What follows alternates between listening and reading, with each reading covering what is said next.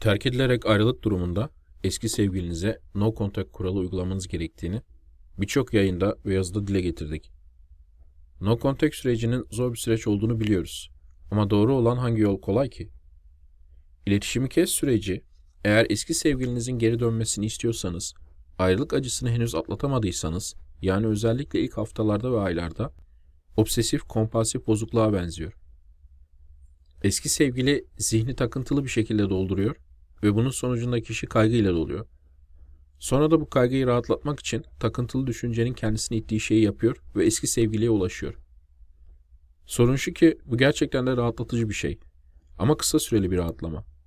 Sonrasında büyük oranda hüsrana uğradığı gibi takıntılı düşünceleri artarak daha kaygılı bir hale geliyor. Bu eski sevgiliyle ilgili takıntılı düşünceler, artan kaygı, eski sevgiliye ulaşarak rahatlama, takıntılı düşüncelerin daha da artması süreci ya da döngüsü birçok insana dalgalar halinde geliyor. Sürekli böyle olmuyor yani. Bazen iyi günler geçiyor, sonra birdenbire bir dalga geliyor ve bu dalganın tepesinde eğer harekete geçmezlerse takıntılı düşünce aslında azalıyor. Ve 3-5 dalgadan sonra artık problem olmaktan, dayanamadıkları bir şey olmaktan da çıkıyor. Fakat bu dalgalara karşı koymak zor.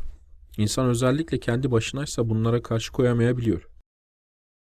Benim bu konuda sıklıkla verdiğim tavsiyelerden biri, güvendiğiniz ve eski sevgilinizle ortak olmayan bir arkadaşınızı ya da akrabanızı acil durumlarda aranacak biri olarak atamanız. Burada acil durum, eski sevginize şiddetli ulaşma arzusunun gelmesi. Bu kişiyle daha önceden sakin kafayla konuşun ve eski sevgili acil durumunda aramak üzere seni seçtim Pikachu diye anlatın. Ona kendisini arayıp da acil durum birader. Şimdi bu kişi kadın da olabilir ama erkek olması daha iyi. Gel beni al, salla, tokatla, kendine getir diyeceğinizi söyleyin.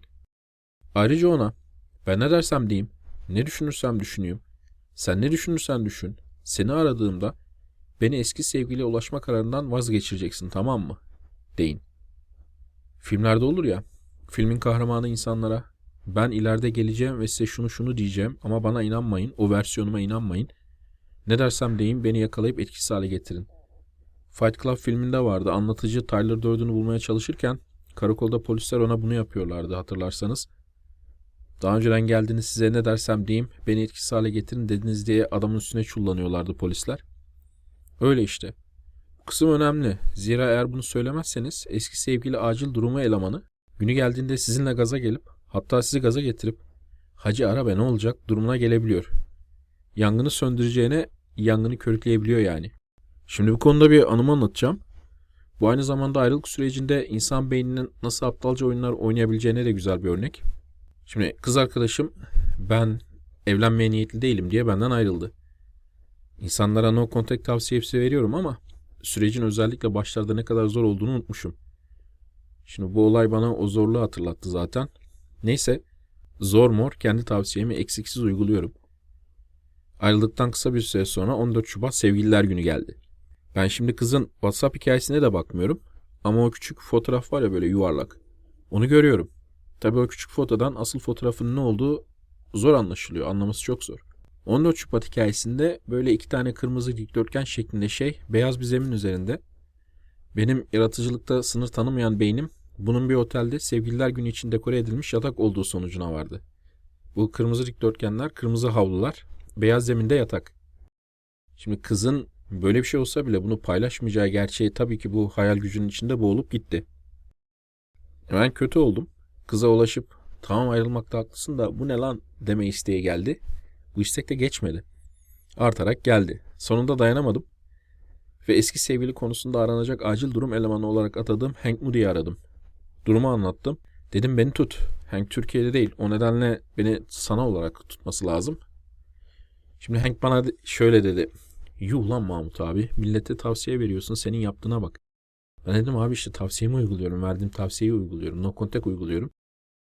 E bu arada buna kitapta da yazmıştım bu acil eleman şeyini. Tavsiyeyi uzun süredir veriyorum. Hank yahu sen sallamazsın diye biliyorum dedi bana. Bununla ilgili zaten bir yazı vardı. Öğrenen adam da aynı şeyi söylemişti. Ben demişim ona da demiştim. iki senedir çıkıyoruz ayrılmışız. Nasıl sallamayacağım abi? Psikopat mıyım ben? Ama no contact'sa no contact. İnadım inat ve bu zamanla geçecek. Duygusal güç, duygu hissetmemek değil arkadaşlar. Hissettiğin duyguların elinde oyuncak olmamak demek. Neyse bu arama dalgası geçti tabii. Ben de kızın yeni sevgili bulup 14 Şubat'ta böyle bir hikaye etmiş olabileceği gerçeğini sindirdim. Şimdi olayın komik tarafı şu. Biz kızın araması ve benim buluşma teklifimle görüştük. Ondan sonra yeniden bir araya geldik bir ay sonra falan. Bir aydan daha az sürdü. Instagram'dan karşılıklı yeniden ekleştik. Ve ben kızın Instagram'ına baktım. 14 Şubat'ta WhatsApp'ta gördüğüm ufak temsili fotonun aslını gördüm. 14 Şubat'ta şirketi kıza iki kırmızı zarf vermiş. Aslında tüm çalışanlara vermiş tabii. Birinci fotoda bu iki zarfın kızın masası üstünde fotoğrafı var. Masa beyaz. Zarflar kırmızı tabii. Benim 14 Şubat otelde kırmızı avlu diye kurguladığım foto bu. İkinci fotoda da bunları açmış. Birinde şirketin kutlama notu var. İkincisinde de küçük bir alışveriş kredisi. Birinci ders şimdi burada eski sevgilinizi stalklamamanız, takip etmemeniz, ondan size gelen bilgi akışını kesmeniz. Tamam. Ben stalklamıyordum ve şanslılığıma geldi ama stalklarsanız böyle bir duruma düşebilirsiniz. Böyle bir duruma düşme ihtimaliniz çok yüksek. Gördüğünüz şeylerden saçma sapan ve genellikle negatif hikayeler yazıp kendinizi kaygıya boğarsınız. İkinci ders.